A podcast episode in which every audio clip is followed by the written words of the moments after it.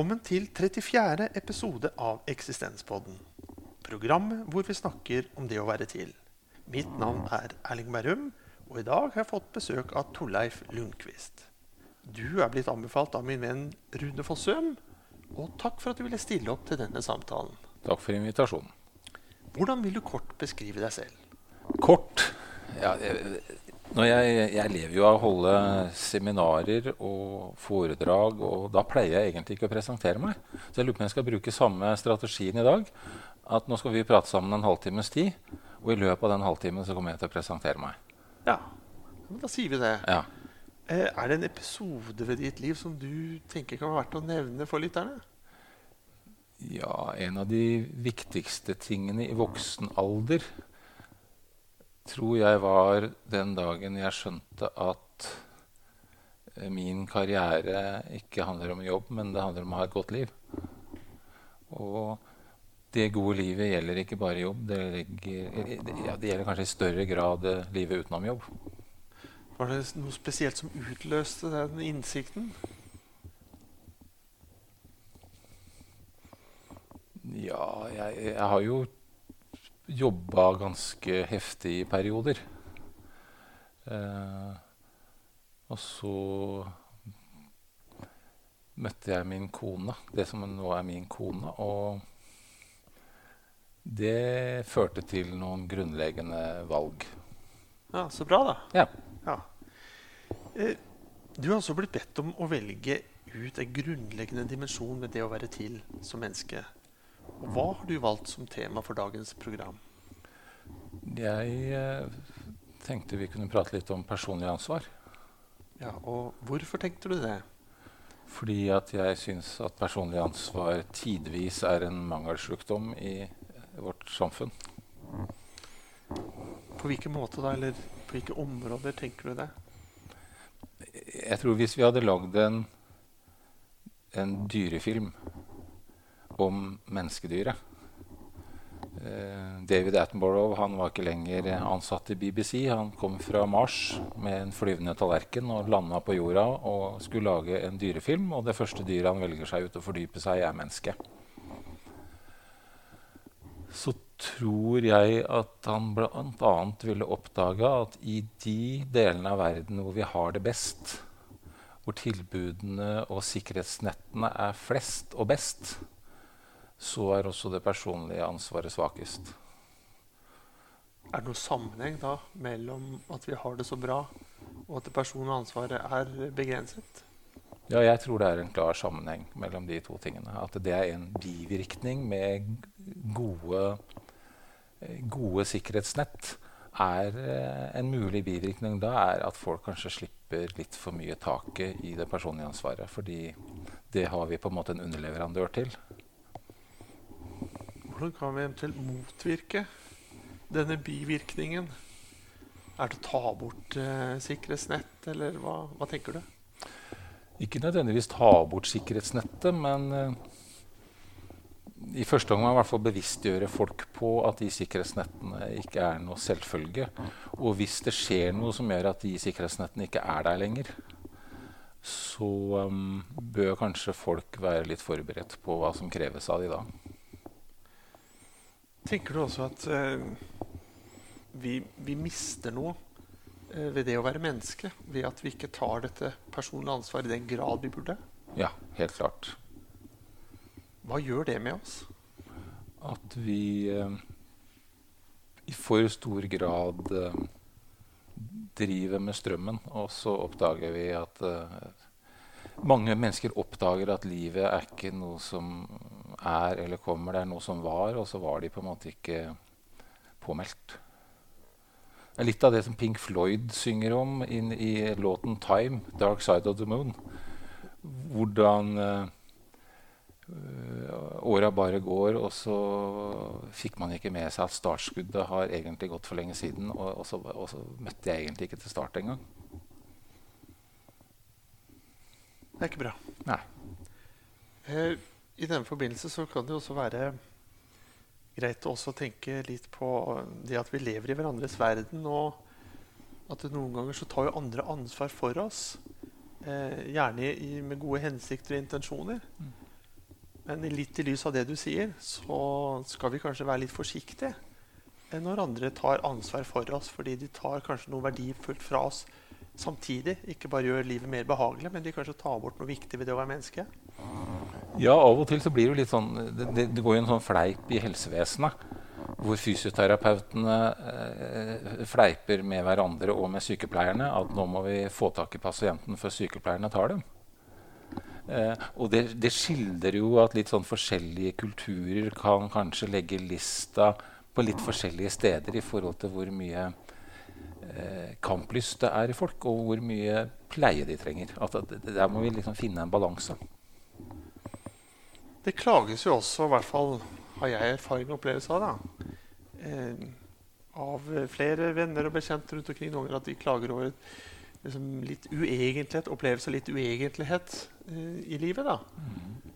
Eh, at man føler liksom livet litt mer sånn trivialisert. Mm. Kan også det ha noen sammenheng da, med at vi ikke da tar så mye personlig ansvar som vi skal? Mm.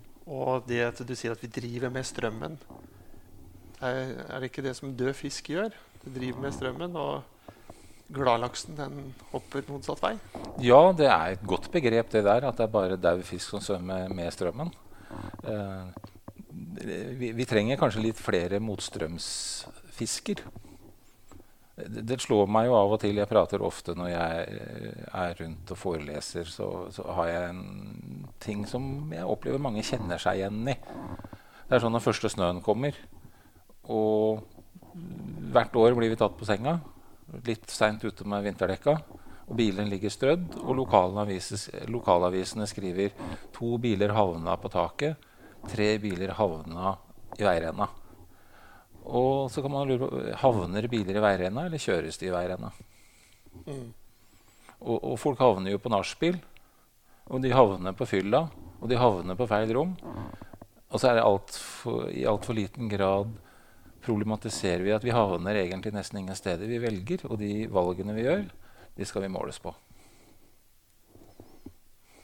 Men ofte hvis man eh, Eller hvis jeg også overlater ansvar for noe jeg har ansvar for, til andre, eller gir det fra meg, så er det jo lett å skylde på den jeg gir fra meg ansvaret til. Mm.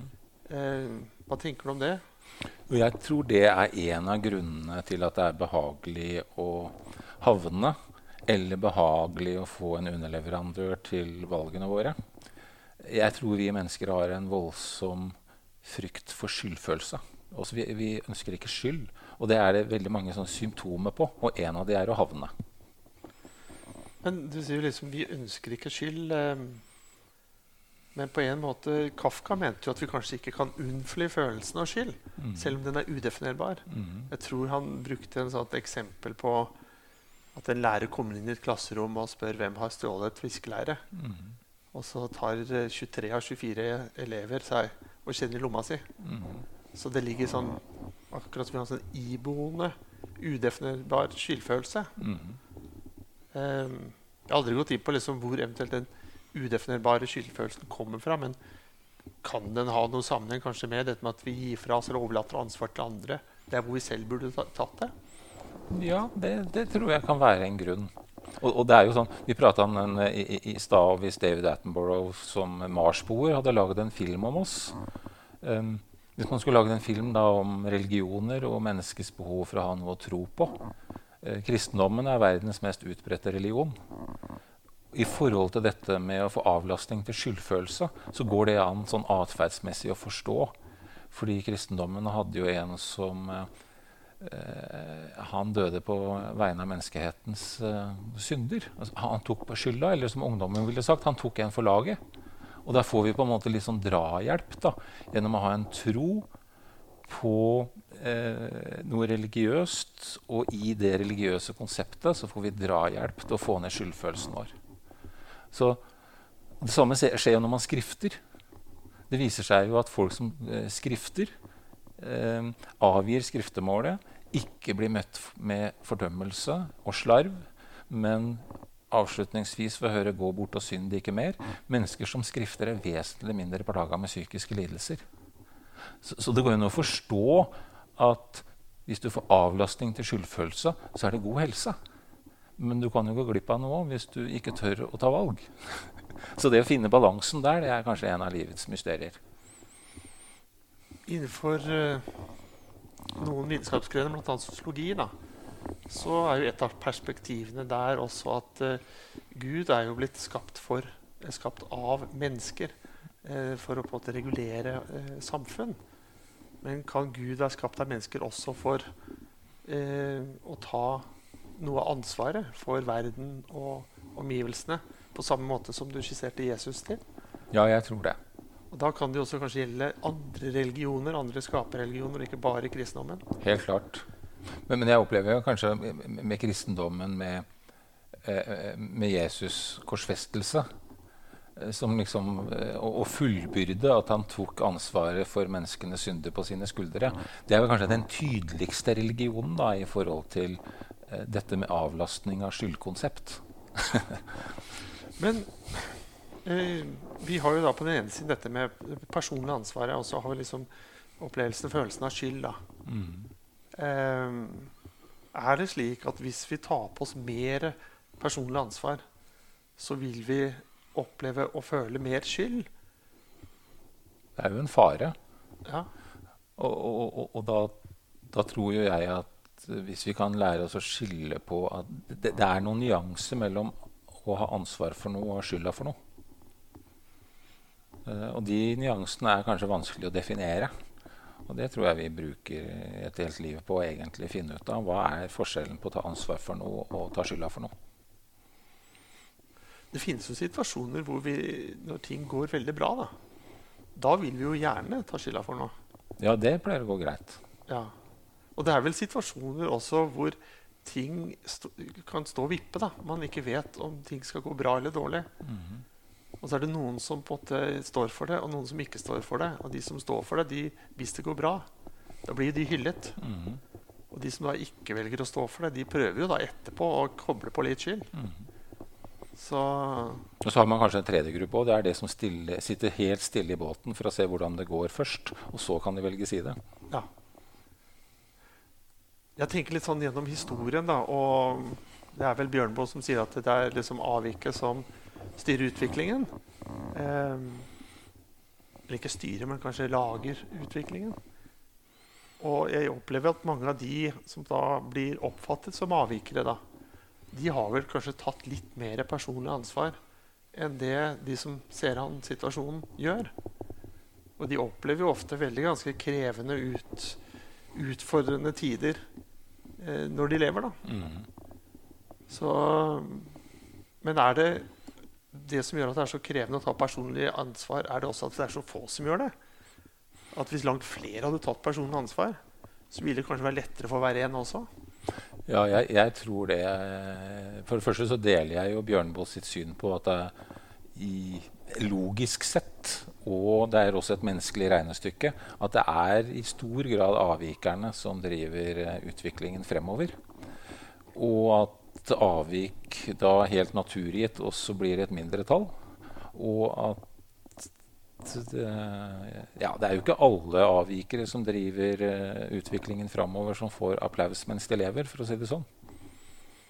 Um, Hvis vi går litt eh, nærmere inn på hva ligger i et personlig ansvar i et, eh, et vanlig hverdagsliv, et hverdagsmenneske Hva skal vi ta ansvar for? Hvem skal vi ta ansvar for? Når jeg foreleser om dette her, eller veileder i det her, eh, så liker jeg å finne sånne helt eh, basic, hverdagslige situasjoner som kan bli til sånn treningsarenaer.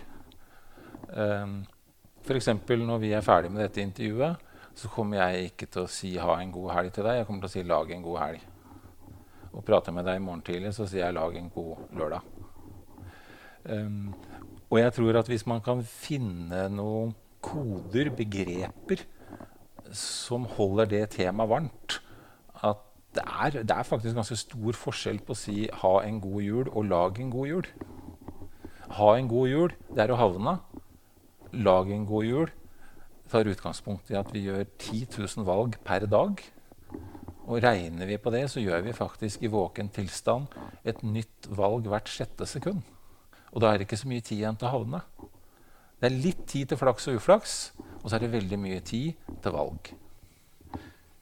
Apropos valg. Eh, jeg tenker noen ganger, eh, egentlig litt sånn inspirert av min mor, som har fokusert på det, eh, at et valg begynner mye tidligere enn du tror.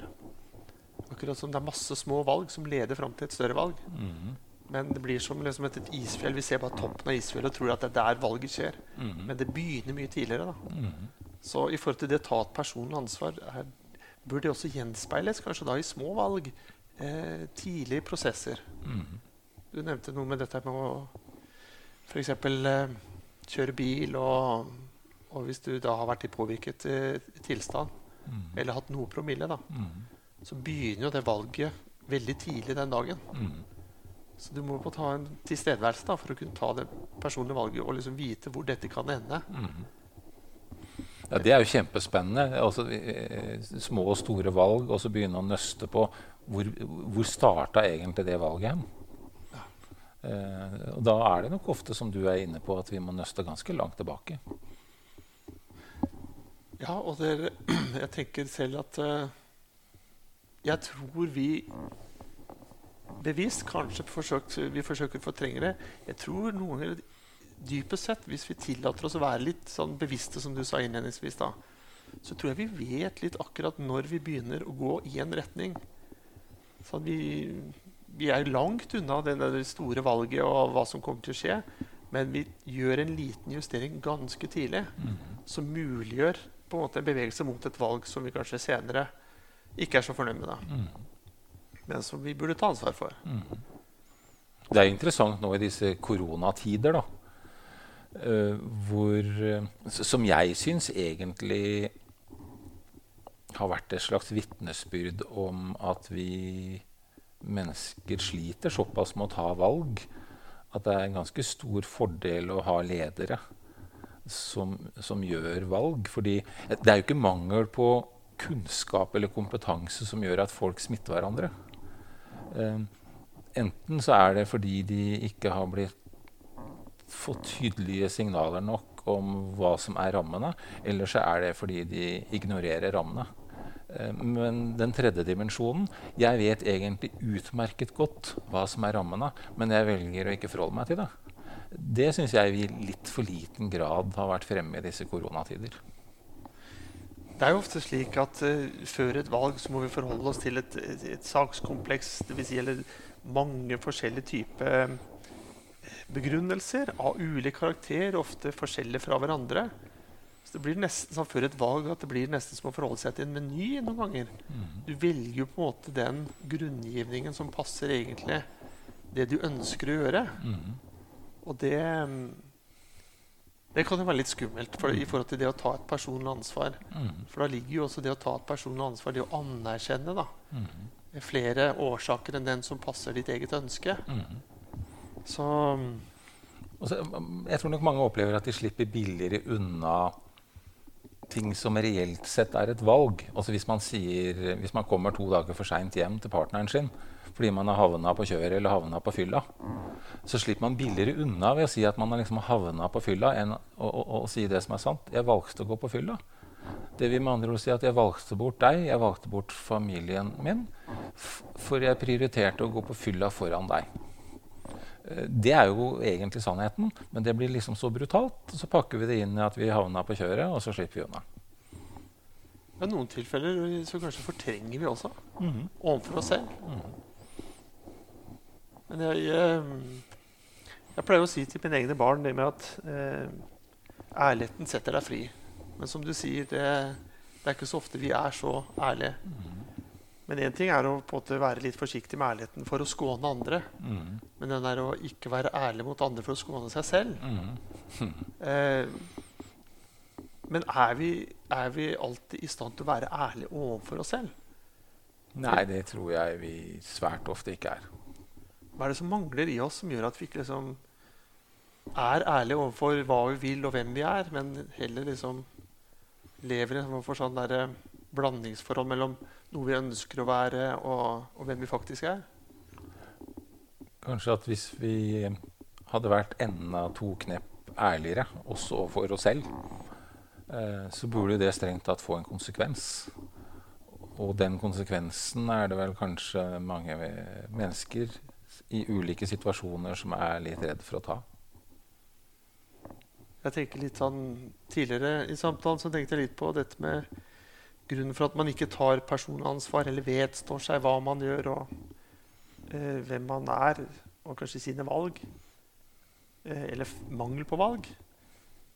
Kanskje dypest sett også kan handle om en frykt for konsekvenser. Hvis du, Mm. du brukte dette dyrebildet, Mm. Mattenborough. Mm. Er vi redd for at eh, flokken skal ta oss?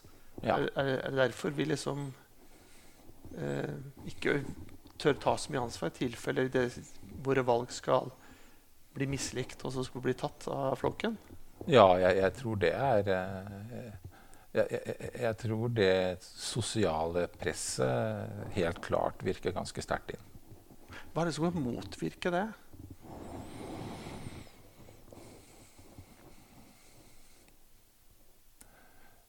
Vi har jo Det viser seg jo at vi har noen neandertalergener i oss. Jo, Homo sapiens levde jo sammen med neandertalerne i noen generasjoner. Og det viste seg jo at eh, de har såpass mye felles genmateriale at de ikke bare kunne ha seg, men de kunne få avkom, sånn som hest og esel for muldyr. Men til forskjell da, fra muldyrene som er sterile, så ble jo avkommet mellom neandertalerne og Homo sapiens eh, de ble jo befruktningsdyktige. Så de har jo ført slekta videre. Så du og jeg vi sitter her nå med en, med en liten prosentdel neandertalergener i oss. Eh, Det tyder på at neandertaleren var individualist, og Homo sapiens er eh, flokkdyr. Og det var jo flokkdyret som vant kampen om, om arenaen. Eh, Så det er veldig mange fordeler i det å være flokkdyr. Men noen ganger så tenker jeg at hadde vi hatt noen prosent med neandertalergener til, og hatt på en måte stoltheten til katten Altså, En hund kan du hamre og slå. Den kommer krypende tilbake igjen til eieren sin for å smigre. Men hvis du liksom banker opp en katt, så pakker han kofferten din, og så flytter han. Og så tenker han før han flytter 'Jeg flytter, for du, du har ikke fortjent meg'. Og kanskje vi mennesker hadde hatt det enda bedre i livet. Litt mindre hund og litt mer katt. Men hva er det som gjorde at uh, Homo sapiens vant? Eh, og hvorfor var Homo sapiens gruppedyr og ikke neandertalerne? Ja, altså Homo sapiens vant jo fordi det er så ekstreme fordeler med å organisere seg på lag. Um, for det, det er klart Sammenligner vi og en, et enkeltindivid, hunden og katten, så er katten overlegen. Hadde vi sammenligna Homo sapiens ett individ med én neandertaler, så hadde neandertaleren vært helt overlegen fysisk og eh, overlevelsesmessig. Men når vi ser i dag, da, så er jo ikke neandertalerne her. Eh, det er to pattedyr som er over hele kloden, og det er hunden og mennesket. Så det der med å kunne skjønne at for at jeg skal overleve, så må jeg spille på et godt lag, og da må jeg spille de andre gode. Det er kanskje den sterkeste overlevelsesmekanismen mennesket har, tror jeg. Eh, og så det har veldig mange fordeler, og så har det som alt annet potensielle bivirkninger. At denne flokken eh, også kan bli noe man gjemmer seg i, og så blir det noe ansvarsfraskrivende i flokken. Ja. Men det at neandertalerne liksom døde ut Jeg har noen ganger tenkt på eh, Grunnen til det var det altså noen grusomheter som ble på en måte utøvd av Homo sapiens. Historisk sett så er det vel grunn til å tro at de ikke forsvant helt av seg selv. Vi har jo hatt litt tradisjon for å, å, å bidra litt Homo sapiens til å, å fjerne noen konkurrenter på mindre sjarmerende måter. Ja, i forhold til, Vi snakker liksom skyldfølelse, men en sånn litt sånn kollektiv skyldfølelse som er litt vanskelig å sette ord på. da. Så hvis vi på en måte har utryddet nesten en hele neandertalerslekta, -hmm. så er det grunn til å få dårlig samvittighet. da. Ja, og, og det er klart, du var inne på Bjørneboe i stad. Eh, eh, og vi har helt sikkert begge to lest bestialitetens historie av Jens Bjørneboe. Om eh, europeisk historie de siste noen hundre år. Um, av og til så lurer jeg jo på og, i hvor stor grad eh, den hvite europeiske mannen tar inn over seg at han er historisk sett en forholdsvis mørk skapning. Altså Den kristne, hvite europeiske mannen er vel den som kanskje har mest strengt tatt å bale med når det gjelder skyldfølelse. Hva med fremstillingen av neandertalerne som dumme? Det har også vært en sånn fremstilling som jeg vokste opp med. I hvert fall. Mm. I Donald-bladet, husker du det? Neandertaleren der hadde lav panne og var ganske dum. Men Hva er grunnen til det? Liksom, hadde vi grunn for å liksom, påstå det? Eller eh, er det noe som vi sånn, i ettertid har valgt å liksom, beskrive de sånn? Uh, innenfor det, det, faget jeg er kanskje aller mest opptatt av, da, etologien, atferdsfaget, så vil jeg vel kanskje si at hvis vi sammenligner neandertaleren med, eh, med oss når det gjelder sånn individuell intelligens, det vi greier å stå for på godt og vondt alene som enkeltindivid, så kan vi godt si at neandertaleren sånn, var eh, sannsynligvis vel så, så, så skarpskodde som oss. Men kollektiv intelligens, evnen til å få laget til å produsere noe og skape noe, så er, vi, er jo Ja, vi ser jo sluttresultatet. Der er jo Homo sapiens helt overlegen. På noen måter i forhold til eh, I forhold til i hvert fall det med, med makt da, og, og dominans men eh, hvis vi går litt tilbake til temaet person og ansvar, mm. så blir det nesten som en sånn, litt sånn suboptimal effekt. da, mm. Hvor denne kollektive intelligensen eh, under, eh, undergraver eh, individuelle intelligensen vår. Det kan jo ikke være bra, da. Nei, for det er klart at hadde vi spissa hadde vi eh, liksom spissa disse to, uh, to typer intelligensene i oss, da, at vi kanskje hadde vært litt flinkere til å anerkjenne den individuelle intelligensen og stå for det og bytte ut og havne med å velge og stå i det. Og så samtidig fortsette med å være flinke med å dra ut uh, merverdien av, av, av flokkintelligensen man, man, kan jo på en måte si at mennesket er en slags superorganisme. Sånn som trær. Eh, eh, man har funnet ut nå at uh, visse tretyper er jo sånn at Hvis bladverket blir angrepet av et skadeinsekt, så slipper det treet ut en kjemi som gjør at nabotrærne blir varsla. Sånn at nabotrærne kan da sende motstandsstoffer ut i bladverket og være klar for angrep. Og det er en form for kollektiv intelligens. Da er det å liksom lagånden, å ta en for laget, gi beskjed, varsle. Noe som øker sannsynligheten for å, å, å stå han av. Og, og, og, det er jo fantastisk. Så, så, det, så, så mennesket, når vi tar ut det beste i kollektiv intelligens, så er vi jo en fantastisk skapning.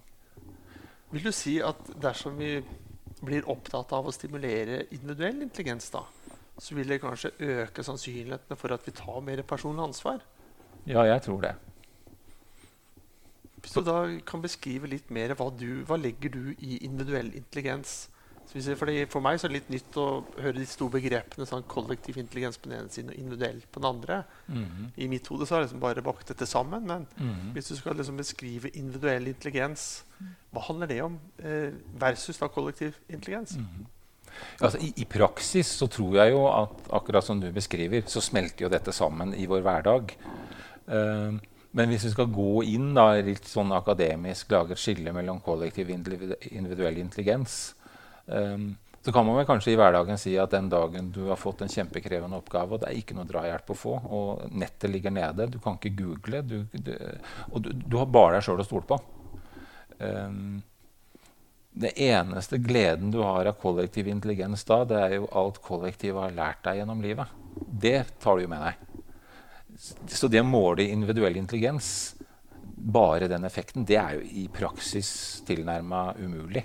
Fordi læringen din er jo også i stor grad eh, avhengig av kollektivet. Altså, hvor mye av det du kan i dag, kan du fordi du kjenner noen mennesker? Du har hatt relasjon med mennesker og fått uh, innspill og styring og påfyll av mennesker. Så, så, i praksis er det kanskje umulig å finne ut for et voksent menneske hvor sterkt de står sånn individuell intelligensmessig. Men samtidig så lar jeg meg inspirere da, til å tenke at denne sangen 'All by Myself' den kan spilles med en litt annen melodi. Litt, mer, litt mer lystig. Fordi Ja. jeg forstår Hvis jeg skal trene min eh, individuelle intelligens, så handler det om at eh, jeg sier nei takk til hjelp og støtte og støttesystemer. Dette vil jeg finne ut av selv. Dette vil jeg gjøre selv. Mhm. Og da får jeg trent opp min individuelle intelligens Mhm. rett og slett ved å ikke ta imot hjelp og støtte. Mhm. Og heller ikke be om det. Um, Jeg, jeg, jeg kjenner godt en uh, Han ble skutt i Afghanistan som, som soldat. Eh, og han kom hjem og, og ble operert mange, mange ganger, og det var veldig på hekta. Og etter hvert som det viste seg at han uh, kom til å overleve, så fikk han jo da naturlig nok en del uh, tilbud om forskjellige typer hjelpetiltak. Og det er fascinerende å prate med han hvor bevisst han var på at det fins en grense for hvor mye hjelpetiltak han skulle takke ja til.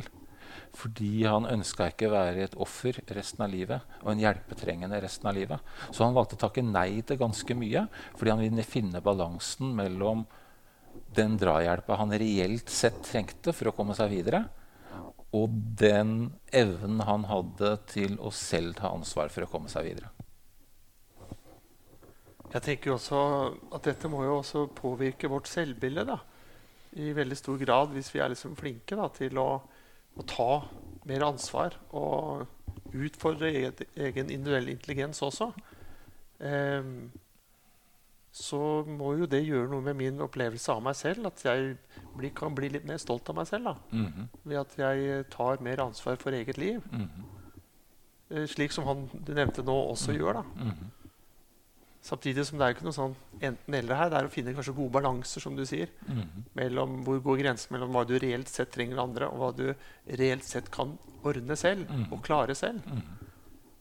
Og det får meg igjen til å tenke på er det slik at vi sannsynligvis kan eh, klare mye mer enn det vi gjør i dag. Mhm.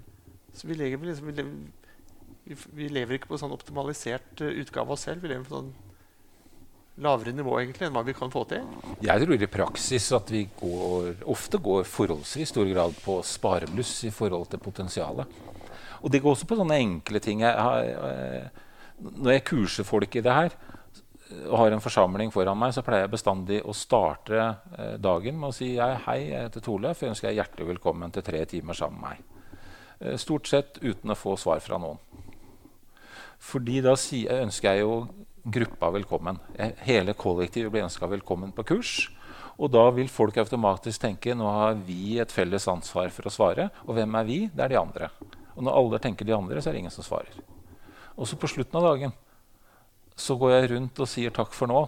Eller plukker fram eksempler fra i dag morges. Tenk om jeg hadde starta dagen i dag på denne måten her. Hei, jeg heter Torleif. Velkommen på kurs. Og så har jeg tatt én og én i hånda. Da ville alle svart.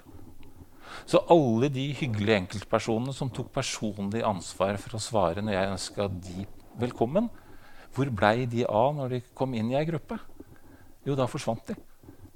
Og faglig sett så kalles jo dette for genuesesyndromet.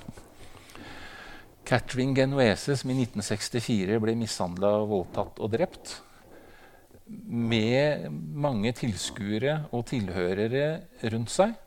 Og gruppa, da, det var over 30 stykker som fikk med seg hva som skjedde, var i veldig stor grad plaga en slags, eh, prega en slags sånn kollektiv lammelse i forhold til å skrike, ringe politiet, eh, kaste noe i bakken, hyle og skrike, avlede oppmerksomheten.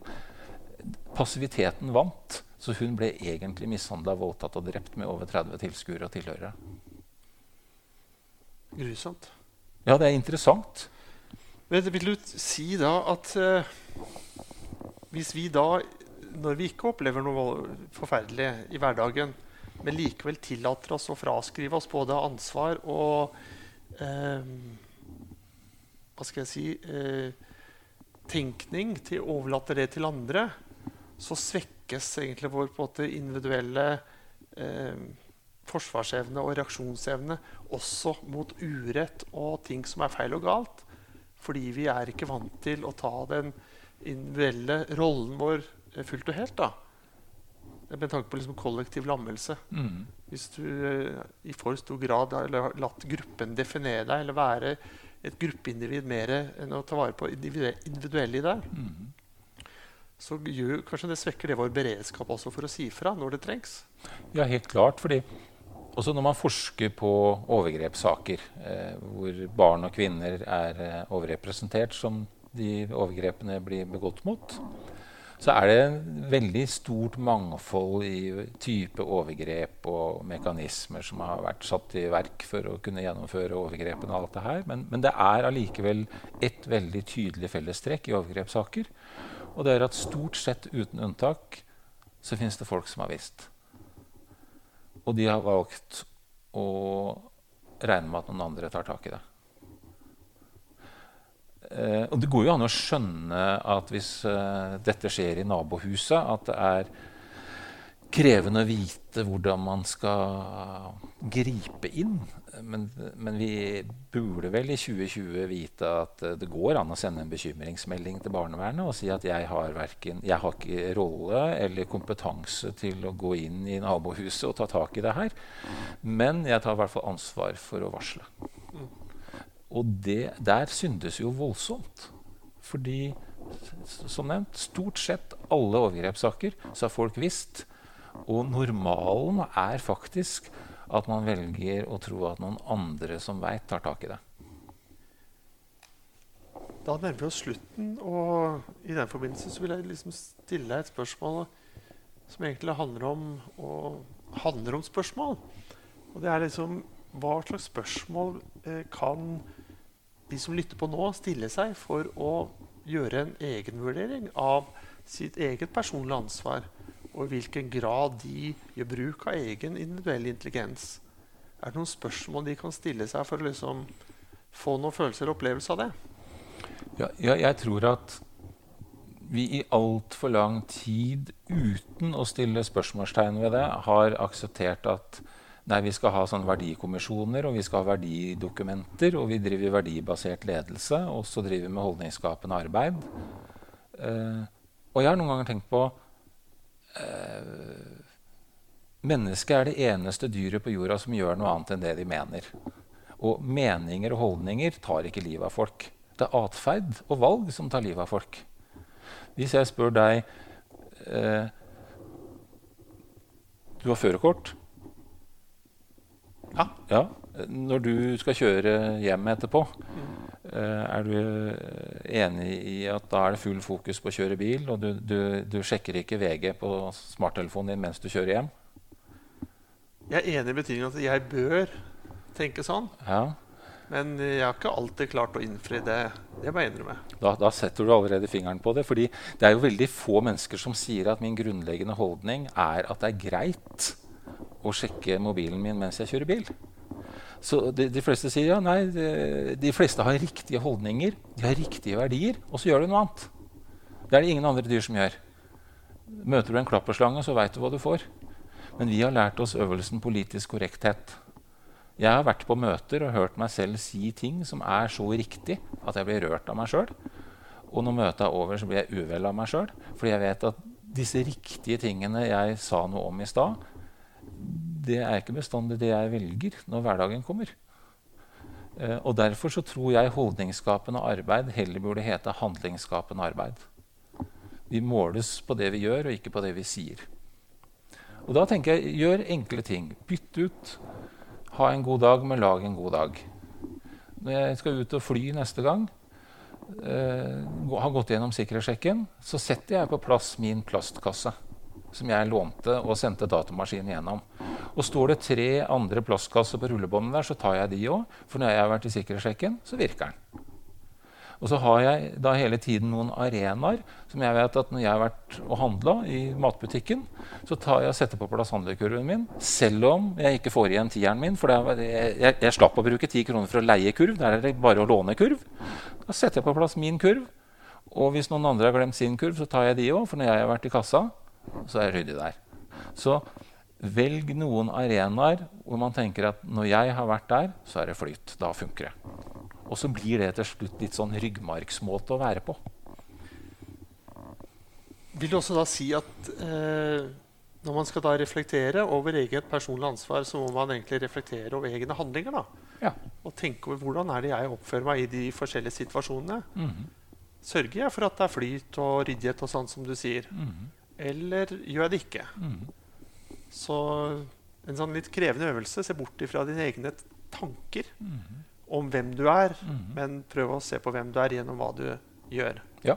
Vi, Ja. vi, og da er vi tilbake til valg igjen. ikke sant? 10 000 valg om dagen. Og kvaliteten på de valgene, vår atferd, det er den jeg egentlig er. Det er egentlig den holdningen du tror at jeg har. Det er når du ser hvordan jeg løser oppgaver. Og så kan jeg, Hvis jeg sier noe helt annet, så veit du at det her er en som seiler under falsk flagg. Jeg ser på hva du gjør, jeg hører ikke på hva du sier. Helt til slutt, er det noen visdomsord du gjerne vil dele, eh, eller som har betydd mye for deg gjennom ditt liv, som du syns er greit å dele med de som hører på? Ja, jeg husker jeg leste et sitat en gang. Jeg syns gode sitater er så fascinerende. Fordi et godt sitat kan si like mye som jeg ikke greier å få fram i ei hel bok. Og jeg tror det som starta noen tankeprosesser for meg, det er vi ser ikke verden slik verden er, vi ser verden slik vi er. Da takker jeg for samtalen. Takk også til deg som lytter for å ha fulgt oss denne gang. Vi høres igjen, og inntil da, lag en bedre, en bra dag.